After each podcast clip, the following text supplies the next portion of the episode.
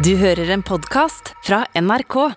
Steinar Olsen er gründer, bedriftseier og mannen bak det norske klesmerket Stormberg. Han har stått i bresjen for å inkludere flere mennesker i arbeidslivet, og han var tidlig ute med å satse på en mer etisk og miljøvennlig handel. Steinar Olsen sitter også i Ytringsfrihetskommisjonen, og har de siste åra flere ganger sjøl opplevd å bli offer for netthets. Drivkraft med Ruben Gran i NRK P2. Steinar Jørgensen Olsen, velkommen. Tusen, tusen takk. Jeg gikk for eh, alle navnene dine. Ja, det ble jo litt sånn ekstra send, da, men eh, det, det funker jo det òg. Ellers pleier jeg å bruke J, da. Steinar J. Olsen. Ja. Da skal jeg fortsette, da skal jeg gjøre på den måten den neste timen. Nei, bare Steinar. Det holder veldig lenge. lenge. det holder, det, ja. Hvordan, hvordan har du det? Jo takk, veldig fint. Og spesielt nå som Ja, det har jo blitt kuldegrader, eh, litt snø over store deler av landet, og det er ja, det føles veldig deilig for meg som er i, i sportsbransjen, altså. Ja, det gjør det. Er det, er det høytid for, eh, for folk som deg nå? Ja, ja, virkelig. Altså, før jeg starta Stormberg, så kunne jeg jo merke på meg sjøl at jeg kunne være litt sånn værsyk. Hvis jeg våkna en tidlig mandag hvor det var uh, regn, mørkt, skikkelig drittvær ute, så, så var ikke humøret helt på topp, altså. Jeg må innrømme det. Men etter jeg starta med turtøy og levra og kle opp mennesker som eh, beveger seg ut i all slags vær, så er jo humøret virkelig på topp hvis det er drittvær ute. altså Det må jeg si, og spesielt hvis det er kaldt også. Hvis jeg får litt sånn værdepresjoner, så er det jo hvis det er sommer, tørt og fint vær. Det kan vi ikke ha for mye av. Ja, så, så hvis du ser ut av vinduet i morgen og det regner, så tenker du Yes, nå regner det penger. Dette blir en god dag, tenker jeg. Ja. Men du, du kler deg jo godt eh, selv å se, og du bor jo ikke i Oslo, men du tok deg en, du tok deg en eh, spasertur eh, opp hit i studio på Marienlyst. Ja, i dag hadde jeg litt tid på, på morgenen etter at de første gjøremålene var, var unnagjort, så da hadde jeg mulighet til å gå fra sentrum opp til Marienlyst, og da fikk jeg en deilig tur på en eh, snau time i, i kulda, så det var virkelig, virkelig flott, altså. Så du gjør alvor av, eh, av turlivsstilen. Ja da, små turer er også store, så eh, om ikke en har mulighet til å så reise til fjells eller eh, besøke mer eh, eksotiske områder, så er det fantastiske muligheter til å få en flott tur eh, i byen, i parken, eh, langs sjøen eller i, i marka. Og Oslo er jo et eldorado for turglade mennesker, så det er jo bare virkelig et privilegium å kunne, kunne være her et par dager. Jeg blir veldig glad for at du sier det med små turer, fordi da telles den turen hjemmefra til bussen. Ja, definitivt. Definitivt. Så den dørstokkmila kan jo være veldig lang for noen. Så det å senke skuldrene og ikke ha fokus på hvor langt den går, eller fort den går, eller hvilke topper en skal bestige, men ha fokus på turgleden, opplevelsen, den gode opplevelsen av det å være ute, det, det har jeg veldig tro på. Ja. Men hva, bortsett fra å selvfølgelig gjeste her i Drivkraft, hva, hva gjør du i Oslo nå? Er litt forskjellig. I går hadde jeg gleden av å eh, være på et seminar eh, for eh, museumsledere fra hele, hele Norge, hvor jeg snakka om inkludering, mangfold og mangfoldsledelse. Det er virkelig noe jeg brenner for. Så er det litt forskjellige møter, og i morgen så er det oppstart i en todagers samling for Ytringsfrihetskommisjonen, som også her da skal ha, ha møte nå i Oslo torsdag og fredag. Hva, hva gjør dere da, da i, når, når selveste ytringsfrihetens forkjempere samles? Ja, For det første så vil jeg jo si at det er en fantastisk gjeng med mye spennende, kompetente, engasjerte, flotte mennesker fra, fra hele landet og fra, med forskjellig bakgrunn. Eh, Det som er litt av poenget med at kommisjonen ble nedsatt, er jo det at en ser at eh, ytringsfriheten, selv om man har god kår i Norge, eh, er eh, under, under angrep. Det er mange som er usikre på om de tør å, ytre seg. Det er mye hatefulle ytringer, det er mye, mye, mye trusler. Det er også mye netthets. Eh, Og kanskje spesielt unge mennesker som ja, f.eks. er opptatt av klima og miljø, eh, opplever at det kan være utrygt å delta i samfunnsdebatten. Og det er kjempefarlig. Vi trenger alle stemmer, vi trenger at folk våger å engasjere seg. Så Derfor så er det viktig nå som eh, det har blitt en ny digital virkelighet med sosiale medier som preger mye av debatten, så er det viktig å og se ok, hvordan, hvordan blir kåret for ytringsfriheten og for demokratiet fremover? Er det spesielle tiltak som er viktige å gjennomføre? Er det f.eks. nødvendig å etablere lovgivning sånn at eh, folk skal fortsatt føle det trygt å ytre seg i fremtida? Hvor, hvor, stor agenda har dere på, på et sånn møte? Altså, er det helt konkrete tilfeller dere diskuterer, eller er det mer det store bildet som du, du tegner opp nå? Ja, Det kan være konkrete caser, det kan være konkrete temaer, og overordna. Nå er det vel 73 sider vi har med, med, med tekst som skal diskuteres nå på de to dagene, blant annet Eh, ytringsfrihetens kår innenfor eh, kunstfeltet, ytringsfrihetens kår knytta til arbeidsliv. Så, og Forrige uke så hadde vi et møte med barn og unges organisasjoner i forhold til eh, ytringsfrihetens kår for, for barn og unge i Norge. Eh, forholdsvis eh, apropos, eh, du har jo stått i Du nevner netthets, jeg nevnte det i introen. Du har jo stått i den slags stormer sjøl, utsatt for både hets og trusler, figurert i avisene pga. det her. Og mange har kanskje fått med seg en konflikt mellom deg og Dekk-gründer Tommy Sharif, som, som, også handler om ytringer på, på nettet, og du vant en rettssak mot uh, Tommy Sharif senest i mars. Uh, og, nei, og senest i mars så ble en mann dømt for å komme med trusler mot deg. Altså, hvor, hvor aktiv er du sjøl på sosiale medier? Jeg er ganske aktiv uh, på sosiale medier. Jeg har jo et samfunnsengasjement knytta til mangfold, dyrevelferd. Inkludering, klima og miljø, annet, og, og, og snakker en del om disse sakene i, i forbindelse med spesielt Facebook. Eh, og det har vært veldig lærerikt, vil jeg si. Fantastisk eh, de årene som jeg har eh, vært aktiv i sosiale medier, fordi at jeg treffer så mye mennesker som, ja, som er engasjert i det samme, som er opptatt av det samme. Så, så det er en fantastisk dialogplattform, en veldig fin måte å, å, å lære på. Og så er det jo dessverre noen som som er uenige i de synspunktene en har, og istedenfor å diskutere sak, så er det kanskje hatefulle ytringer det legges vekt på, det er trusler, det er systematisk netthets. Det lever jeg personlig greit med. Eh, grunnen til at jeg har valgt i et par tilfeller å levere inn politianmeldelse, og grunnen til at jeg også valgte å saksøke en som hadde publisert eh, hundrevis av innlegg med desinformasjon, løgner og falske nyheter om eh, Stormberg og meg, fordi at jeg hadde synspunkter som vedkommende var uenig i. Grunnen til at jeg valgte å gjøre det i de tilfellene, er det at jeg ville vise de som kanskje ikke våger eller orker å kontakte politiet, at det faktisk eh, er mulig å få, å få, hjelp. Det er ikke sånn at eh, eh den digitale virkeligheten er en lovløs virkelighet. Det er faktisk sånn at hvis en blir trua, eller hvis en blir systematisk hetsa, så, så, kan en få hjelp ved å legge inn f.eks. En, en, en anmeldelse. og det og Det tror jeg er viktig budskap, fordi at det er mange som føler seg veldig alene hvis de blir trakassert og mobba over tid. Eh, og de skal vite at de er, de er ikke alene. Det er mulig å, å få hjelp hvis de, hvis de, ber om hjelp. Hva, hva, slags meldinger er det du får da? Nei, altså det kan være alt eh, som går på hvordan jeg snakker, uh, utseende. eh, det kan være Ja, det, det, er egentlig stort sett over hele fjøla. Manipulerte bilder. Manipulerte filmer hvor ansiktet settes inn i en uheldig setting.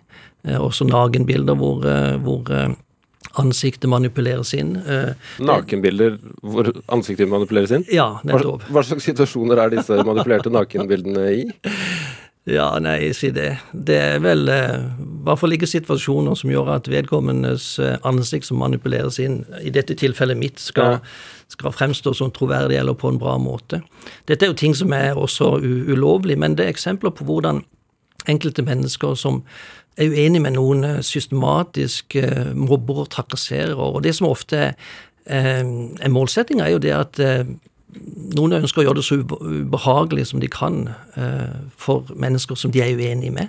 Målet er jo at de skal slutte å ytre seg, slutte å, å, å snakke om det de, de, tror på. Vi har jo hatt en del kontroversielle skal vi si, synspunkter, alt fra dyremangfold. Vi er opptatt av å verne også rovdyr, uh, ulven i, i, Norge. Vi har hatt et engasjement i forhold til flyktninger, uh, innvandrere, både rekruttering av, av, av flyktninger og, og, støtte til organisasjoner som gjør en fantastisk jobb for flyktninger. Og, og det, det, Begge de to eksemplene det har vært tilfeller når vi har snakka om disse tingene i sosiale medier, så har det vært uh, boikottaksjoner, iverksatt boikottaksjoner mot Stormberg hvor folk har brent Stormberg-produktene sine, lagt ut bål av det på sosiale medier, oppfordra andre til å brenne. Det har kommet uh, trusler, uh, og i en periode så hadde vi faktisk uh, egen kontaktperson i, i, PST. Det var i forbindelse med et engasjement for, for flyktninger og rekruttering av flyktninger til våre butikker.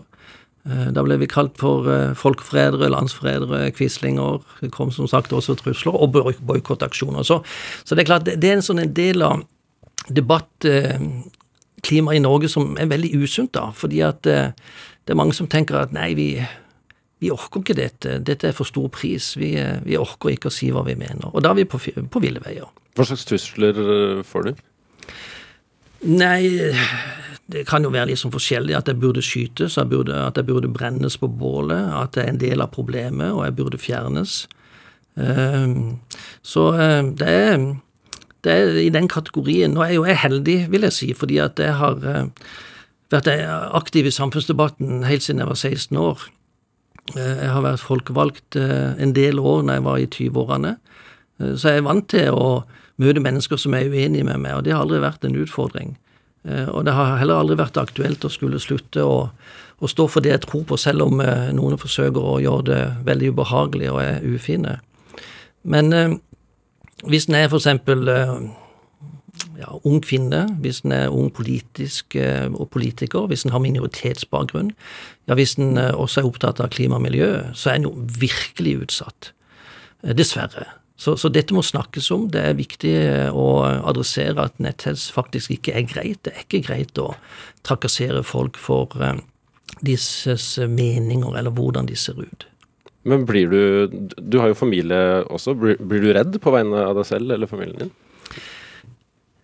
Nei, det vil, jeg, det vil, jeg, ikke si at jeg har blitt på vegne av familien min. Jeg har alltid vært opptatt av å beskytte privatlivet mitt. Jeg har aldri lagt ut eh, bilder av verken eh, min kjære kone eller barna mine i, i, sosiale medier. Så eh, jeg vet jo det at når, når det er Når jeg opplever angrep i sosiale medier, systematiske angrep i sosiale medier, så er det ikke meg personlig i den forstand som de angriper. De angriper meningene mine den personen som du nevnte som jeg valgte å saksøke fordi at det ble så intenst og det ble mange hundre innlegg, og vedkommende også begynte å plage mine medarbeidere.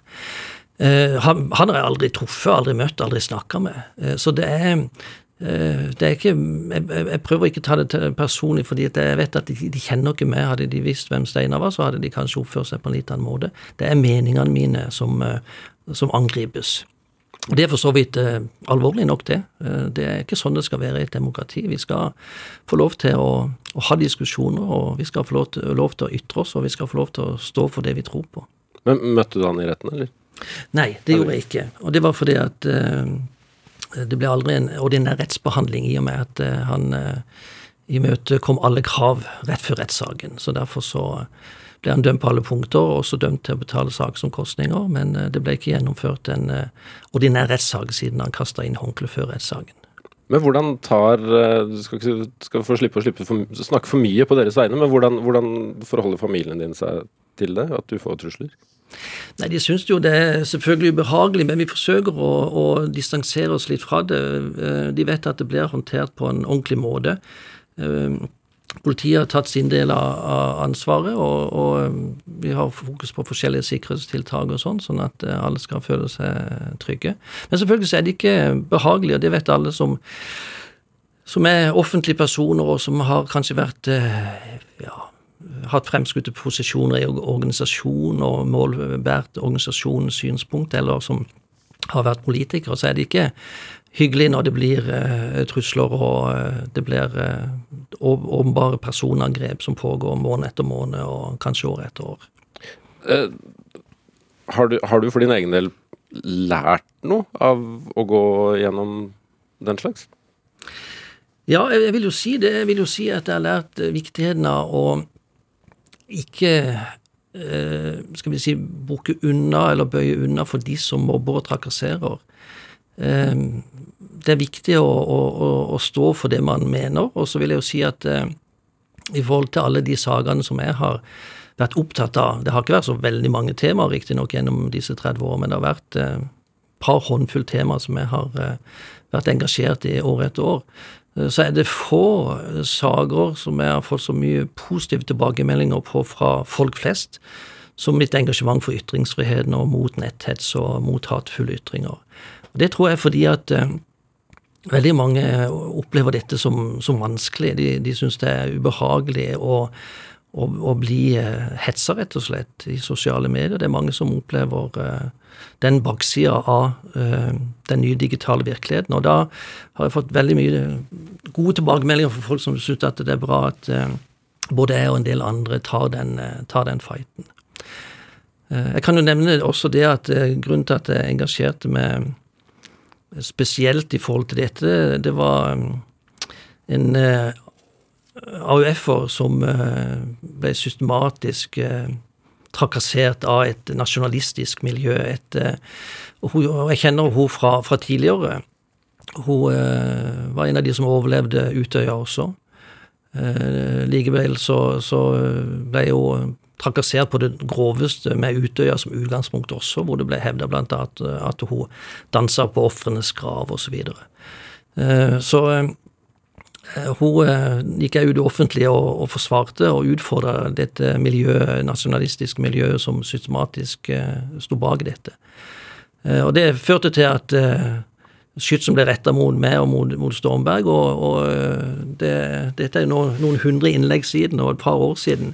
Så, så det, det, er ganske systematisk hvordan noen bruker, bruker ufine, ufine, triks, ufine metoder. Men jeg tenker at uh, vi må forsvare hverandre, vi må forsvare folk som blir dårlig behandla. Det er på samme måte som i en skolegård. Hvis en ser noen som står og blir mobba, så er det ikke greit å bare gå forbi. Og det er det heller ikke i i sosiale medier. Alle moderate, fornuftige stemmer bør stå opp for de som blir eh, trakassert. Og, og er vi mange nok som gjør det, så, så blir det tryggere å være i den digitale virkeligheten. Dette er Drivkraft med Vegard Larsen i NRK P2. Det der er ikke helt sagt eh, sant, fordi du hører på Drivkraft med Ruben Gran i dag, som har besøk av eh, Steinar Olsen, eh, sjølveste mister Stormberg. Hvis man skal koke det helt ned til essensen, Steinar. Det du egentlig gjør, er å selge fritidsklær? Absolutt. Ja. Det er, ja. det er, så enkelt? Ja, ja, ja. Mm. Så enkelt. Turtøy og turutstyr. Men hva, hva, vil du si, hva, hva er businessideen til, til Stormberg? Altså På det kommersielle så, så var hele utgangspunktet når jeg starta Stormberg 18.2.1998, at jeg ville lage funksjonelt turtøy for hele familien. Ville gjøre det enklere, snobbe ned, ha fokus på det vanlige folk trengte ut på tur. Ikke ha fokus på hva man trenger hvis man skal bestige Mount Everest eller gå på ekspedisjon til Sydpolen. Eh, så jeg ønsker å gjøre ting enklere og ha fokus på turfolk flest. Så det var, eh, det var hele den forretningsmessige ideen og hele forretningsmessige, eh, det forretningsmessige utgangspunktet. Og så hadde jeg veldig lyst til å forsøke å bidra til noe positivt utenfor bedriftens fire vegger. Gjennom hvordan vi drev eh, virksomheten. Så vi, vi sa allerede fra begynnelsen at vi vil gjøre verden til et litt bedre sted. Det er en, en veldig sånn skal vi si, en, en, naiv måte å formulere seg på, vil kanskje mange tenke. I hvert fall for en eh, næringsvirksomhet. Men vi, vi hadde tro på det. Vi hadde tro på at en kunne bidra med noe positivt gjennom måten virksomheten ble drevet på da. Men tenker man at liksom, det, er, det er god business også å vise at man bryr seg? Ja, det tror jeg det. Eh, det tror jeg er god eh, business. Eh, nå fortalte ikke vi noe om verken vårt inkluderingsarbeid eller det andre engasjementet de første årene vi drev Stormberg. Vi tørte jo ikke å si ut av det at vi ville jo verden til et litt bedre sted. Vi sleit jo med å betale regninger, vi sleit med å selge varene våre. Eh, og vi prater heller ikke om resten av samfunnsengasjementet vårt.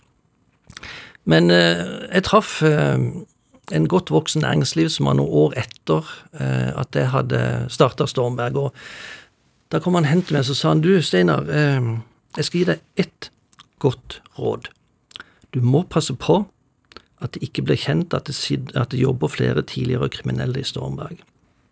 For Hvis det kommer ut, så kommer det til å miste en del kunder som ikke ønsker å, å handle hos da. Da kommer vi også til å få problemer med en del leverandører som ikke vil eh, ha noe med det å gjøre etter det. Og kanskje mister da også tilliten hos banken. Jeg er veldig glad for at jeg hadde denne samtalen med den næringslivsmannen, fordi at når jeg skjønte at det fantes såpass mye skal vi si, fordommer hos oppegående folk, han var også arbeidsgiver og en veldig, an, veldig ansett næringslivsmann, så tenkte jeg at nei, men dette må vi jo snakke litt om. Dette må vi fortelle om. Så etter den uh, samtalen jeg hadde der, så la vi etter hvert ut noen medarbeidercaser på hjemmesidene våre. Og så fikk jeg noen forespørsler om å stille opp på noen konferanser og fortelle litt om Stormbergs inkluderingsarbeid, hvilket jeg takka ja til. Så sånn sett begynte uh, vårt engasjement etter noen år å bli kjent. Uh, det var egentlig ikke planen at vi skulle snakke så mye om det, eh, for jeg tenkte at det er en selvfølge at vi arbeidsgiver også rekrutterer folk som sliter. Men jeg skjønte hvor mye fordommer det var, og hvordan de fordommene hindra mennesker i å få en sjanse på arbeidsmarkedet, så fant jeg ut at ja, dette må vi jo virkelig snakke om. Så du fulgte ikke det rådet hans? Nei, jeg gjorde ikke det. Heldigvis ikke. Men hva, hvordan, hvordan, er et typisk uh, stormbergplagg? Altså, Jeg vet jo at det er mange, men hvordan er et typisk stormbergantrekk? Uh, det er et produkt som uh,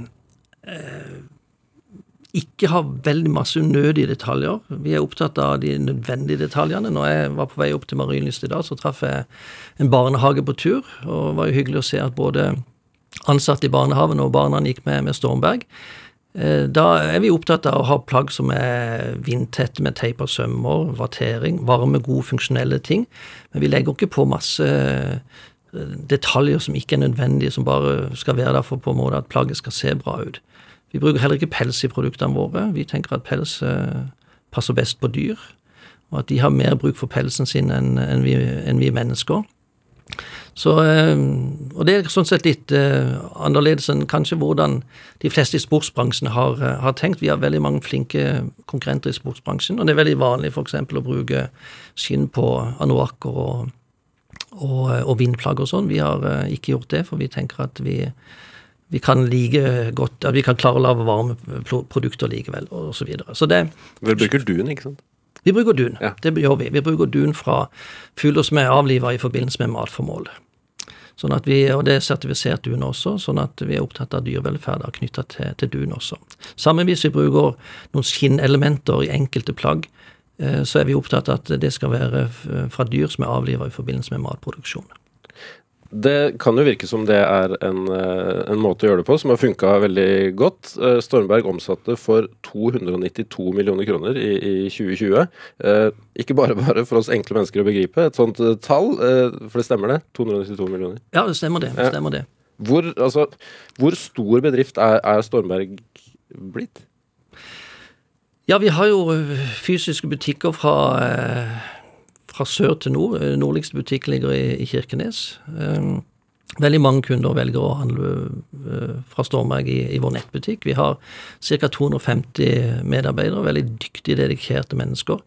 Og jeg tenker at eh, vår rekrutteringspolicy og, og, medarbeiderne er jo egentlig nøkkelen til at Stormberg har klart seg i en veldig sånn tøff konkurransesituasjon. Eh, vi har jo veldig små ressurser i forhold til de store internasjonale merkevarene som er i Norge. Og så er det en del norske, veldig godt innarbeida merkevarer som er kjempeflinke, som også er konkurrentene våre. Likevel så har vi da klart å gå fra fire medarbeidere i 1998 til 250 i dag. Eh, og det er rett og slett fordi at eh, jeg har vært så heldig å ha så mye flinke mennesker. Veldig dyktige folk som har tatt vare på kundene våre, og som har jobba hardt, og som har gjort at eh, vi har klart oss likevel. Og ikke minst nordmenn som har tatt så godt vare på oss uh, hele tida. Det, det, har gjort at vi fortsatt er til stede. Hvor mye av egne friluftslivserfaringer har du tatt med inn i, inn i Stormberg? Jo, eh, jeg lever jo Stormberg-livet, vil jeg si. Eh, jeg liker godt å være ute på tur. Jeg er ikke noe glad i å, å reise. Så når vi en sjelden gang har ferie, så prøver jeg å unngå at det blir noe særlig reising. Så det å skulle reise på tur i eksotiske eh, verdensdeler eh, og til andre land og sånn, det har jeg aldri praktisert, faktisk. Så jeg har kun vært på tur i, i, Norge, og det er jo mer enn nok for meg, i hvert fall. For det er jo et fantastisk turland. Men er du, er du, er du glad i å ha ferie? Nei, det er jeg ikke. Men hva, hva, hva er en, hva, når har du det aller best på tur? Liksom, hvordan er en perfekt tur for, for Stein Olsen?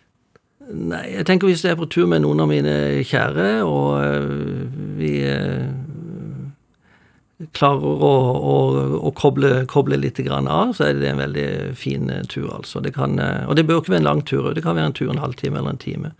Så Hvor er dere da? Nei, Da er vi kanskje i, i Bymarka, eller vi går kanskje tur langs sjøen. Eh, gjerne turer fra, fra nærområdet. Det, det, er det vi praktiserer best, og som vi trives, eh, trives veldig godt med. Det, Den, hvordan ble bransjen din påvirka av korona? Jeg skulle jo tro at det var i positiv uh, favør, si. Alle skulle ut på tur. Ja, ja, det har du helt rett i. Uh, altså, Den første fasen av korona så stengte vi jo våre ca. 30 butikker uh, med tanke på å bidra til redusert smitte. Men når samfunnet etter hvert åpna opp, så eksploderte det jo virkelig både i nettbutikkene og i de fysiske butikkene. Da var folk veldig flinke til å, å bruke turmulighetene i nærområdet sitt. Nærfriluftslivet ble virkelig satt i fokus. Så eh, mange har valgt å, å fornye turgarderoben sitt og sin og, og turutstyret under korona. Har, har, har, dere et slags sånn årshjul i produksjonen av Stormberg-klær som, som, du kan ta oss gjennom, sånn at vi liksom skjønner hvordan bedriften fungerer i løpet av et år? Ja, Vi har jo forskjellige sesonger. Sånn som nå de siste månedene så har design- og produktteamet jobba med neste høst-vinter. Uh, utvikle produkter for, uh, for neste høst-vintersesong, som da vi begynner å få på lager uh, rundt 1. juli i, i, 2022. Så vi ligger jo sånn, ja, et snaut år på, på, forskudd i forhold til utvikling av, av produktene. Um, og da er det jo eh, Hovedbiten i Stormegg er turklær, men vi har jo også eh, tu, sånn type turutstyr. Alt fra kokeutstyr til sekker, drikkeflasker, eh, ja, lykter, eh, hodelykter osv. Så, videre. så noen av de produktene er jo sesongrelaterte, mens dette med klær er jo produkter som vi har, ja, vi har nye leveranser eh, flere ganger i måneden gjennom hele året. Eh, hvor ofte har du vært i Kina? Jeg husker ikke antall ganger. Jeg reiste jo mye i Kina de første årene etter jeg starta i 1998 for å etablere samarbeid med de fabrikkene som skulle produsere for Stormberg. Det var veldig lærerikt og veldig fint, må jeg si. Eh, og av de fire fabrikkene vi hadde produksjon på første år, så har vi da tre av de som vi fortsatt samarbeider med nå 23, eh, 23 år etterpå. Og, og, to av de er jo virkelig hovedprodusentene våre enda. Så i og med at vi har hatt såpass eh, stabilt samarbeid kan du si, med de som produserer for oss, er det nå ofte sånn at de kommer til oss i Norge enn at vi reiser nedover. Men jeg har folk som reiser ned årlig for å følge opp fabrikkene. Ikke nå under korona, men, men ellers. Da er det bl.a. for å følge opp dette med etisk handel-arbeidet vårt og arbeidernes eh, situasjon og rettigheter på fabrikkene, hvor vi tar stikkprøver, intervjuer arbeiderne osv. Er, det, er det utfordrende å følge opp det? Følge opp det? Eh, det kan være utfordrende, men eh, det at vi ikke har skifta fabrikker så mye Vi har selvfølgelig etablert samarbeid med nye fabrikker etter hvert som produktspekteret har utvida seg. Vi har gått inn på nye produktgrupper. Men det at vi har eh, jobba med fabrikkene over såpass lang tid, det gjør det mye enklere å følge opp uh, dette med at grunnleggende menneskerettigheter og arbeidstakers rettigheter blir, uh, blir respektert. Nå fikk vi nettopp den nye lønnsundersøkelsen nå, hvor alle skal rapportere lønna til Stormberg, altså alle fabrikkene som produserer for Stormberg. Og så sammenligner vi det med de myndighetsfastsatte minstlønnsnivåene. Og for 2020 så var det var gjennomsnittslønnsnivået på de fabrikkene som produserer for Stormberg, litt over 100% over minstlønnsnivået. Og Det er vi veldig glad for, at de eh, tjener bedre enn om en hadde basert seg på minstelønn. Og så er det et viktig budskap òg at eh, Stormberg fortsatt er konkurransedyktige i markedet. Vi klarer oss fortsatt godt i markedet, til tross for at eh, de som jobber på fabrikkene, tjener eh, mer enn det dobbelte av hva de hadde tjent dersom de hadde blitt betalt minstelønn. Ja, for det må jo være en smertegrense der òg, hvor, hvor, mye dere skal betale fabrikkarbeiderne i Kina, jf. hvor mye dere kan tjene? Absolutt. Absolutt. Eh, vi, vi, må være konkurransedyktige. Men jeg har alltid sagt det internt hos oss at stormarksprodukter skal skal selges for lave priser, men ikke for enhver pris. Det skal være sånn at vi skal ta vår del av ansvaret. Men eh, vi, eh, vi har veldig flinke konkurrenter, så vi må ikke prise oss ut av markedet. Men eh, det er fortsatt marginer som gjør at vi overlever greit, selv om, selv om de, de tjener mer enn minstelønn. Ja. Steinar J. Olsen, vi skal, vi skal, begynne å bevege oss ned Minnes allé eh, her nå. Eh, og tjuvstarte litt med litt eh, lyd fra noen andre. for hva, hva, husker du best fra din første skoledag? Du, Det jeg husker best, det er faktisk Elvis Presley som døde dagen før.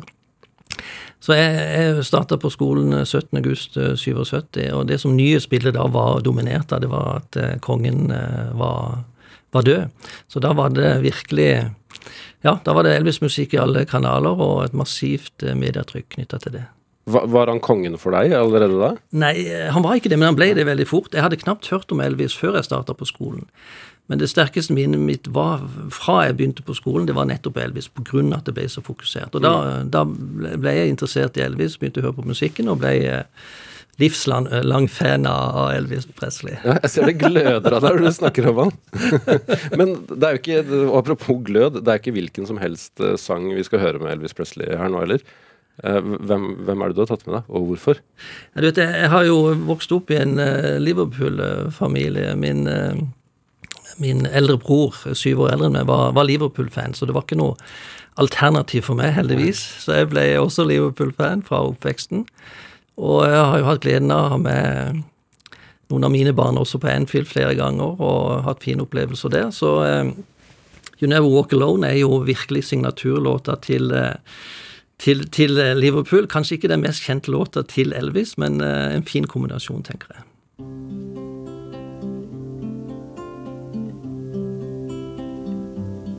When you walk through a storm, hold your head up high and don't be afraid of the dark. At the end of the storm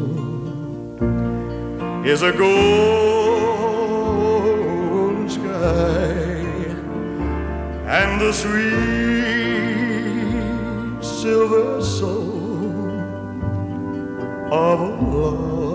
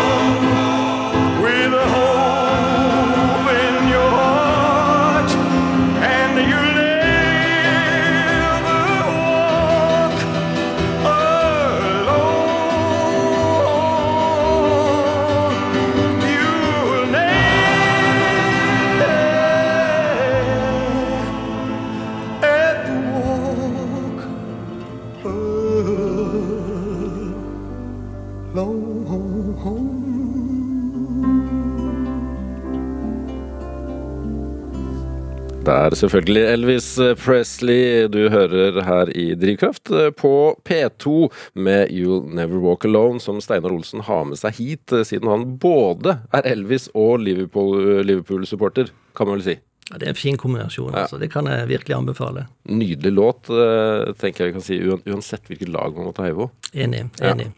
Eh, som du fortalte, så du begynte på skolen dagen etter at Presley døde. Stemmer. stemmer. Hvor, hvor, eh, hvor var den skolen?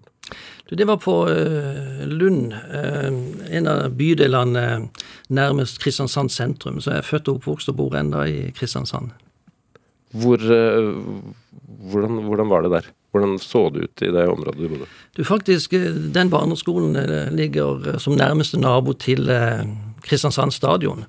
Så jeg var jo mye på fotballkamper eh, da jeg var liten, helt, he- før jeg kan huske, faktisk.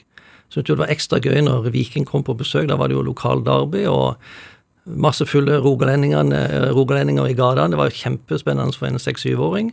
Så eh, Høres, ut som et mareritt. Nei, det var jo spennende nok, det. altså. De var jo alltid greie. Det var aldri noe tull med dem, men det var litt annerledes enn vi pleide å se i gatene. Men hvor, altså, skolen, hvordan, hvordan hadde du det på skolen? Jeg trivdes ikke spesielt godt på, på barneskolen, det må jeg si. Jeg var nok en uh, urolig gutt. En gutt som gjerne kunne sitte kanskje 10-15 minutter og høre på, men det å skulle sitte 40-45 minutter stille, det var ikke lett. Så uh, jeg tror nok jeg hadde fokus på, på, på helt andre ting enn en skole gjennom alle de seks årene. Så det var uh, Jeg fikk nok lite ut av barneskolen, må jeg si, og det var mye uro. Hva, hva var det du hadde fokus på? Nei, jeg, hadde, jeg, jeg syntes det var kjedelig på skolen i det hele tatt. Eh, Så jeg var jo på skolen, og var lite vekke, men eh, hadde lite fokus på fagene. Hadde veldig gode venner, så vi hadde mye gøy på fritida. Men skolen var et ork på barneskolen. Du hadde, du hadde spesialundervisning?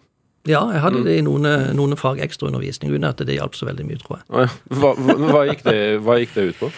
Nei, det gikk jo ut på at jeg hang igjen eh, veldig faglig, rett og slett, fordi at jeg hadde lite fokus på, på det som skjedde. Uh, han som lærte meg forskjellen mellom verb og substantiver, det var vel i sjette klasse, femte sjette klasse, og det var en kamerat av meg. Da skjønte jeg hva forskjellen der var. Ja. Men, men, eh, men Nei, det var Det var Jeg var nok en, en glad og urolig gutt som ikke trivdes med å sitte på skolebenken. Du hadde lopper i blod? rett og Ja, slett? ja, absolutt. Absolutt. For det var, ikke, var, det, var det snakk om noe altså, diagnoser? Nei, det, det var det ikke. Men eh, det var jo ikke så mange som ble utreda for verken det ene eller det andre på, eh, på 70-tallet, slutten av 70-tallet. Så eh, jeg hadde det bra, vil jeg si. I, eh, i, eh, altså, jeg hadde veldig god og trygg og fin oppvekst. Eh, Så jeg var en glad gutt, men, eh, men skolen var ikke noe jeg gleda meg til å gå på, nei, når jeg gikk på barneskolen. Vi skjønte jo i stad at du er ikke så glad i ferie. Altså, Har du fortsatt eh, lopper i blod? Nei, jeg har nok ikke lopper i blodet. Eh, Når det gjelder det med ferie, så er det vel det at eh, de første 15 årene hvor jeg drev Stormegg, så var det ikke rom for å ta noe særlig ferie. Det var, det var, det var nødvendig å jobbe veldig mye. Det er mange ting som jeg ikke er veldig flink til. Jeg har jo heller ikke noe mer utdannelse enn videregående skole. Men jeg har alltid vært, jeg har alltid vært flink til å jobbe. Jeg husker en journalist ringte meg midt i fellesferien, for han skulle ha et intervju, og så ble han overrasket over at jeg tok telefonen eh, på kontoret. Så sa han, Jøstein, er du på, er du på jobb nå midt i fellesferien? Ja, er du gal, sa jeg. Selvfølgelig er det. Nå er jo alle konkurrentene til Stormberg på ferie, så nå må vi jo virkelig stå på. Så eh, jeg har trivdes godt med å, å, å jobbe, og det eh, så det er nok ikke uroen i kroppen der, det vil jeg se på, det at jeg syns det har vært veldig gøy, rett og slett, å, å, å jobbe. Og også bruke tid hjemme sammen med, med familien. Jeg, jo, jeg er jo en utpreget familiemann og har vært veldig engasjert, eh, og er det fortsatt i forhold til barna. Så vi har funnet på veldig mye gøy uten at vi har nødvendigvis måttet reise så mye utenfor landets grenser. Hva, hva jobba dine foreldre med? Min far var, var vaktmester på en videregående skole. Og når jeg var fire år, så begynte min mor også på samme skole og, var, og jobba i kantina. Fikk etter hvert ansvar for kantina på skolen. Så begge de to eh, jobba da på den videregående skolen som jeg etter hvert fikk gleden av å gå på. Ja, Jobba de der mens du gikk der? Ja, Ja. det gjorde de. Hvordan var det? Det var veldig eh, flott, det, altså. Veldig trygt og fint. Eh, jeg kjente jo skolen godt, og mange lærere, før jeg, før jeg begynte på videregående skole. Så det var juletrefest og løping i gangene når jeg var fem, seks, syv år gammel. Og så fikk jeg gleden av å få noen av disse lærerne når jeg sjøl begynte på videregående etter hvert. Hva slags oppdragelse vil du si at du, du fikk hjemme? Jeg hadde, var veldig heldig, vil jeg si, og hadde foreldre som var veldig opptatt av barna, engasjert i, i barna. Veldig til stede. Eh, Veldig trygt og, og godt hjem. Jeg hadde to eldre søsken. Eh, En oppdagelse prega av, av veldig mye frihet. Eh, Jeg kunne stort sett gjøre som jeg ville. Det er jo kanskje ikke alltid den beste form for oppdragelse, men det funka i hvert fall eh, greit for, eh, for oss. Eh, Det var kanskje litt nødvendig også at jeg ble tidlig selvstendig. Når jeg var fire år, så begynte jo min mor på jobb, og da, da var jeg hjemme alene. Og eh, storkoste meg med den friheten som det ga. Hva gjorde du da? Kan du huske det? Ja, jeg husker litt. Eh, Da, det var jo eh, en del hjemmeværende i nabolaget. Sånn at hvis jeg skulle ha noe mat, f.eks., og, og fant ut at det var kjedelig å spise hjemme, så kunne jeg bare banke på døra til noen i nabohuset og så løpe inn der. Og det funka veldig fint. Men den friheten jeg, følte, var veldig ok. Jeg trivdes veldig godt med det og ble, ble tidlig selvstendig. Min far jobba skift. Eh, av og til på kveldsskift som vaktmester, av og til på dagskift. Sånn at annenhver uke så var han hjemme eh, på dagen, stort sett på dagen. Så det var ikke hver uke eh, jeg var alene, men eh, jeg var alene en del de årene, og det på dagtid, og det, det funka veldig fint. Hvor, hvor tidlig fatta du interesse for næringsliv, eller penger, for den saks skyld? Ja, altså når jeg var tolv år, så, så satt jeg skrevet på gutterom hva jeg, hva jeg skulle bli når jeg ble stor, da. Og da bestemte jeg meg for at jeg skulle ikke jobbe hos andre, men jeg skulle drive egen virksomhet. Og så skrev jeg opp liksom hva jeg kunne tenkt meg å, å jobbe med, hva jeg ville. Eh, Det ble ikke noe av det, altså, men, eh, men det var da jeg Hvilke bestemte ting? meg. Hvilke ting var det, da? Blant annet så hadde jeg drøm om å drive videobutikk med videoutleie. Det var jo det store på eh, tidlig 80-tallet. Eh, det er jo mange som ikke vet hva video er for noe, men altså hvis du er vokst opp på 70- og 80-tallet, så vet du hva, hva det er. Og så eh, tenkte jeg på dette med å, å drive kiosk. Det var masse kiosker, små kiosker rundt forbi. Og så tenkte jeg også kanskje jeg skulle starte en pizzarestaurant og drive med utkjøring av pizza. Det var jo sånn sett litt fremtidsretta i forhold til det som i hvert fall var i Kristiansand på den tida. Og så etter hvert som jeg, når jeg ble 14 år, så fant jeg ut at nei, verden er jo mye større enn eh, disse kioskene og videoer og liksom det som jeg hadde eh, opplevd liksom i, i byen min. Så jeg to år og gikk på et brevkurs i forhold til import og spedisjon, og skjønte jo at her er det en stor verden eh, som kan gi spennende muligheter. Så lærte jeg meg litt med fortolling og transport, hvordan en kunne få tak i produkter osv. Så, videre. så eh, det, det hadde jeg for så vidt litt nytte av da, når jeg, noen år etterpå begynte med, med retail. Men altså, som tolvåring setter du deg ned og skriver, skriver, liksom, skriver måla dine. Eh, Hvor, hvor kom ideen fra til å skulle liksom Som tolvåring tenker du at du skal drive for deg sjøl? Det, det vet jeg faktisk ikke. Jeg prøvde også å tenke om det var noe som kunne inspirert meg, eller hva som gjorde det. Det, det har jeg ikke funnet noe godt svar på. Jeg har egentlig vært eh, ganske bevisst alltid på dette med å sette meg mål, konkrete mål, og gjerne litt eh, høye mål også, som gjør at jeg eh, måtte strekke meg litt. Grann. Som sagt, på barneskolen så fikk jeg veldig lite ut av de seks årene, men så tenkte jeg når jeg skulle opp på ungdomsskolen i syvende klasse, begynte ungdomsskolen på den tida, så tenkte jeg nå får jeg virkelig en ny mulighet. Nå er det en ny lærer, og nå skal jeg virkelig gripe den muligheten. Så sommeren før jeg begynte på ungdomsskolen, så bestemte jeg meg for at når jeg går ut av ungdomsskolen, så skal jeg kun ha S-er i karakterboka. Altså Kun toppkarakterer? kun toppkarakterer, eh, seksere, som det jo nå er. Og da begynte jeg å jobbe veldig hardt. Virkelig følge med i timene, eh, lese mye hjemme, forberede meg godt, jobbe virkelig hardt. Jeg nådde ikke målet om bare seksere når jeg gikk ut av, av, av ungdomsskolen etter de tre årene, tre årene, men jeg hadde i hvert fall et flertall av karakterer som var toppkarakter. Du hadde det? Så, så, eh, så, så, så jeg, jeg var tidlig bevisst på å sette meg mål og, og legge en plan for å nå de målene. Har du fortsatt de, altså de fysisk nedskrevne målene? Har du en sånn liten rød bok som du kikker på? Nei, nei det, det har jeg nok ikke. Det er mulig at den eh, kladdeboka ligger eh, i barndomshjemmet mitt eh, fortsatt, altså, men den eh, er det mange år siden jeg har sett. Jeg vet at e- en av måla dine var å på et tidspunkt komme opp i 9,99 millioner i formue. Ja, det stemmer. Ja. Nå- Når lyktes du med det? Først kan jeg jo si det at eh, jeg hadde målsatt eh, det, altså jeg hadde tidssatt det også, og det, Ja. det, og det skulle være ved utgangen av år 2000. Og tidlig på 90-tallet så virka det absolutt oppnåelig. Men så mislyktes jeg med virksomheten som jeg starta på 90-tallet. Dette var før Stormberg. Og øh, klarte rett og slett ikke å, øh, verken realisere det målet eller skape en bærekraftig virksomhet. Sånn at når jeg kom til år 2000, så hadde jeg jo, eh, var jeg langt ifra å nå dette målet om 10 millioner. Jeg hadde faktisk flere millioner i gjeld. Og hadde, så sto egentlig med to tomme hender. Men de var jo egentlig ikke tomme, de hendene, for jeg hadde jobba siden jeg var 16 år. Så jeg hadde jobba i, i 14 år og, eh, hadde lært meg en bransje, og hadde lært meg hva som skulle til for å få det til. Og det hadde jeg jo starta Stormberg rett før år 2000 og fokuserte på det. Så eh, det var ikke så mange år etterpå så var målet nådd. Ja, Så klarte det etter hvert. Det gikk Ja. etter hvert, ja.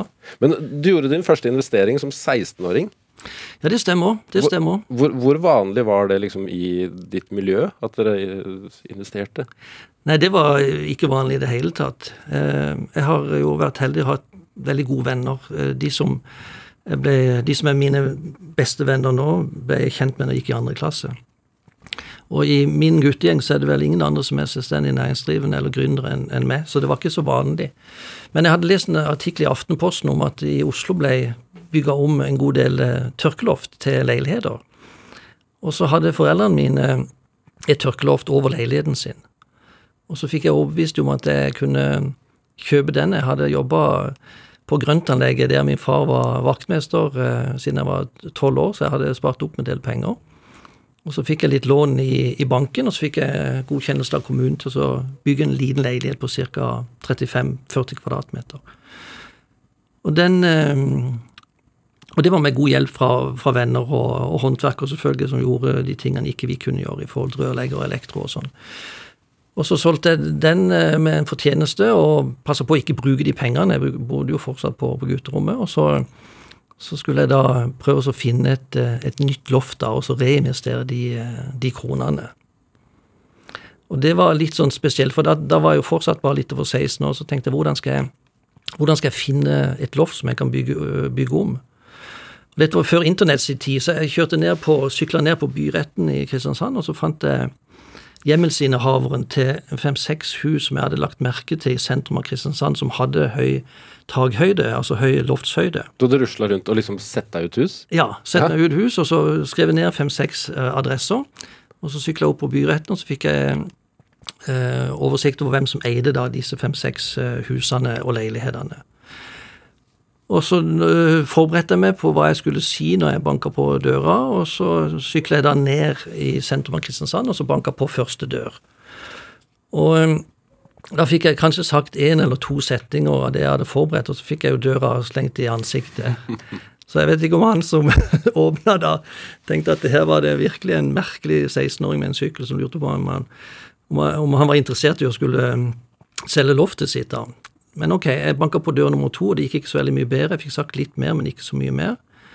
Og tredje dør, der fikk jeg lov til å fortelle hva jeg egentlig kom for, men det var uaktuelt å skulle selge loftet.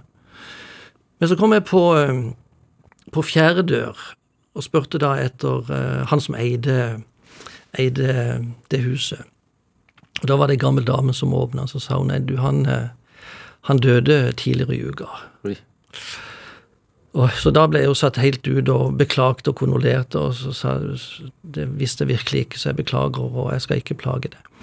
Så idet jeg var på vei ut ganga og hadde snudd meg, så sa hun ja, men hva var det du ville, mannen min, da, sa hun. Hvorfor spurte du etter han?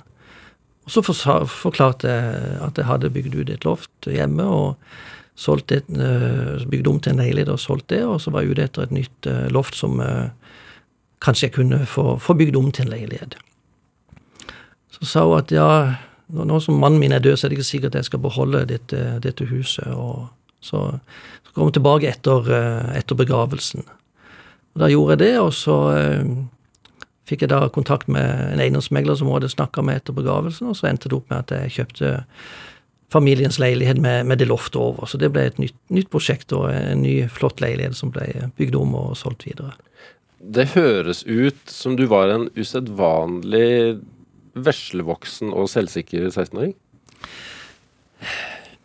Jeg vet ikke om jeg var så veslevoksen, men jeg, hadde jo en veldig sånn eh, uforbeholden tro på meg sjøl, at jeg kunne få til noe. Eh, og det gjorde jo at ikke jeg ble, at ikke jeg stansa selv om jeg fikk noen eh, dører i ansiktet, og selv om jeg fikk noen nederlag underveis. Så jeg, jeg tror heller kanskje det er det at eh, jeg hadde en litt naiv tro på at dette kom til å gå bra. Hvor, hvor, hvor fikk du den selvtilliten fra? Det er veldig vanskelig å si. Det har kanskje litt med oppveksten å gjøre. At det var et trygt hjem hvor Når jeg kom hjem, husker jeg fra ungdomsskolen i, i, i syvende, hvor jeg hadde klart å få en G, så var det jo virkelig feiring i stua og virkelig virkelig god stemning. Det var jo bare en middels karakter, tross alt, men, men eh, de små seirene ble, ble heia på. Så det ga vel en, en trygghet og en, en selvtillit. Eh, og lærte vel eh, tidlig at det handler ikke om å være best, men det handler om å gjøre så, så godt du, du, kan, og det, det, er godt nok, liksom. Mm. Eh, må spole litt, fordi du, du fikk deg en eh, forholdsvis kort karriere i eiendomsbransjen. Korrekt. Eh, og så starta du klesbutikker, og, ja. og drev med det noen år. Eh, Greenfield først, og så etter hvert opp til flere butikker som het Billy Shop. Stemmer. Mm. Fire butikker totalt. Hvordan vil du beskrive den, eh, den tida? Jo, altså Først dette med eiendomsbiten holdt jeg på med to-tre år, og så kom det et boligkrakk i 88 etter uh, et børskrakk i 87, så jeg, jeg tapte alt jeg hadde tjent. Uh, men uh, jeg bodde fortsatt på gutterommet, hadde ikke begynt å bruke disse pengene, så det gikk for så vidt greit å ta ved det. Og så avvikla jeg eiendomsbiten når jeg var russ, og så var det førstegangstjenesten, og da brukte jeg førstegangstjenesten til å prøve å finne ut hva jeg skulle starte med etterpå. Og Da starta som du er inne på, en liten butikk tre uker etter jeg dimitterte. Den gikk veldig fint. Så ble det butikk nummer to som også gikk bra. Og så Begge de to dreiv jeg i Kristiansand, og så starta jeg opp i en, i en annen by. Da gikk det ikke så veldig fint. Og så en tredje by. Da gikk det virkelig ikke bra. Og så måtte jeg legge ned den ene butikken etter den andre. Jeg måtte begjære flere av butikkene konkurs. Så eh, det var mange år med mye jobbing. Og resultatet var at eh, jeg hadde flere millioner i gjeld når, eh, når, jeg hadde da snubla og ikke fått det til for, eh, for, for andre gang. Ja, Beit du over litt for mye?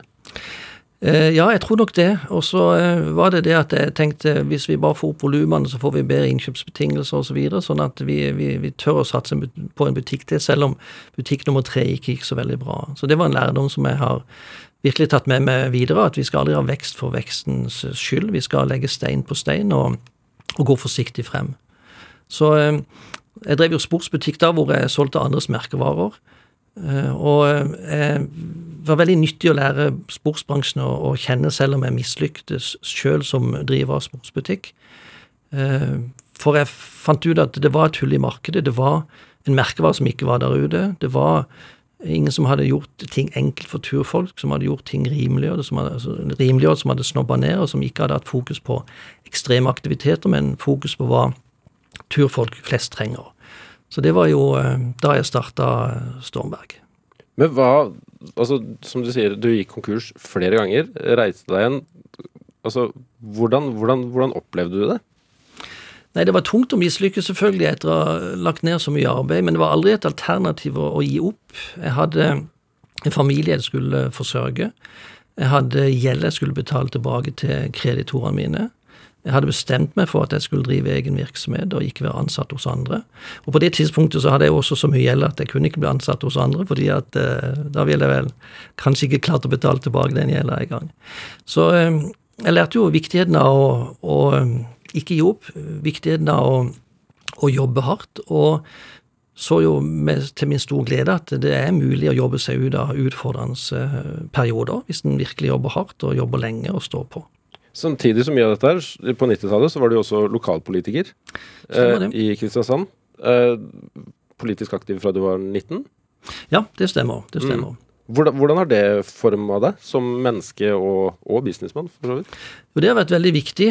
Ehm, jeg ble valgt inn for første gang eh, to år etter jeg ble eh, eh, politisk aktiv. Altså jeg ble valgt inn i bystyret i Kristiansand i 1991 og så hadde jeg to perioder i åtte år. De siste fire årene som jeg var lokalpolitiker, så var jeg også leder av helse- og sosialstyret. Og det var en veldig lærerik periode hvor jeg sånn sett fikk et innblikk i uh, samfunnsmedaljens bakside, da.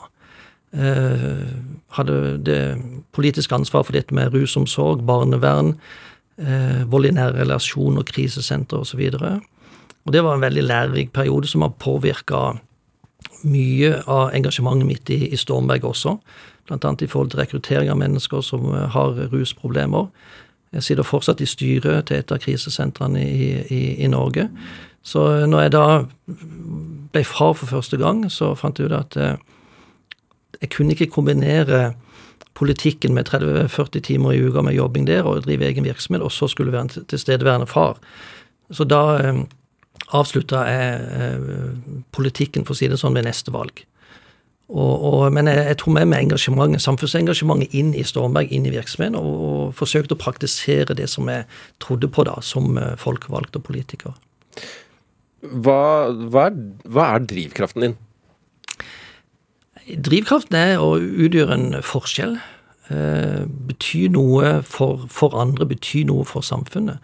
Det er også en drivkraft å økonomisk eh, klare seg. Det at Stormberg eh, har en eh, egenkapital på langt over 50% at vi har et overskudd i 21 av 23 år, det er også veldig viktig. Fordi at eh, hvis ikke vi kan betale våre regninger og lønninger, så kan vi heller ikke bidra aktivt i forhold til det samfunnsengasjementet vi ønsker å bidra i forhold til. Vi har f.eks. i Stormberg en bestemmelse om at 1 eh, av Stormbergs omsetning skal brukes på samfunnsnyttige og humanitære formål. Eh, og har vi det har jo da bidratt gjennom årenes løp til ca. 50 millioner til den type prosjekter. og det er, det er, viktig. Så det er viktig med økonomiske resultater for å kunne ta et aktivt samfunnsansvar. Steinar Olsen, tusen takk for eh, besøket. Tusen takk for, for invitasjonen. Og du som hører på, kan selvsagt eh, høre flere Drivkraft-samtaler i appen NRK Radio, eller du kan laste oss ned som podkast. Og så må du gjerne sende oss ris eller ros eller tips til mennesker som du, som du mener har drivkraft. Eh, vi hører veldig gjerne fra deg på e-post drivkraft krøllalfa nrk.no. Produsent og researcher i dag, det er Kjartan Aarsand. Jeg har vært eh, Ruben Gran. Ha det godt. Vi hørs. Du har hørt en podkast fra NRK. De nyeste episodene hører du først i appen NRK Radio.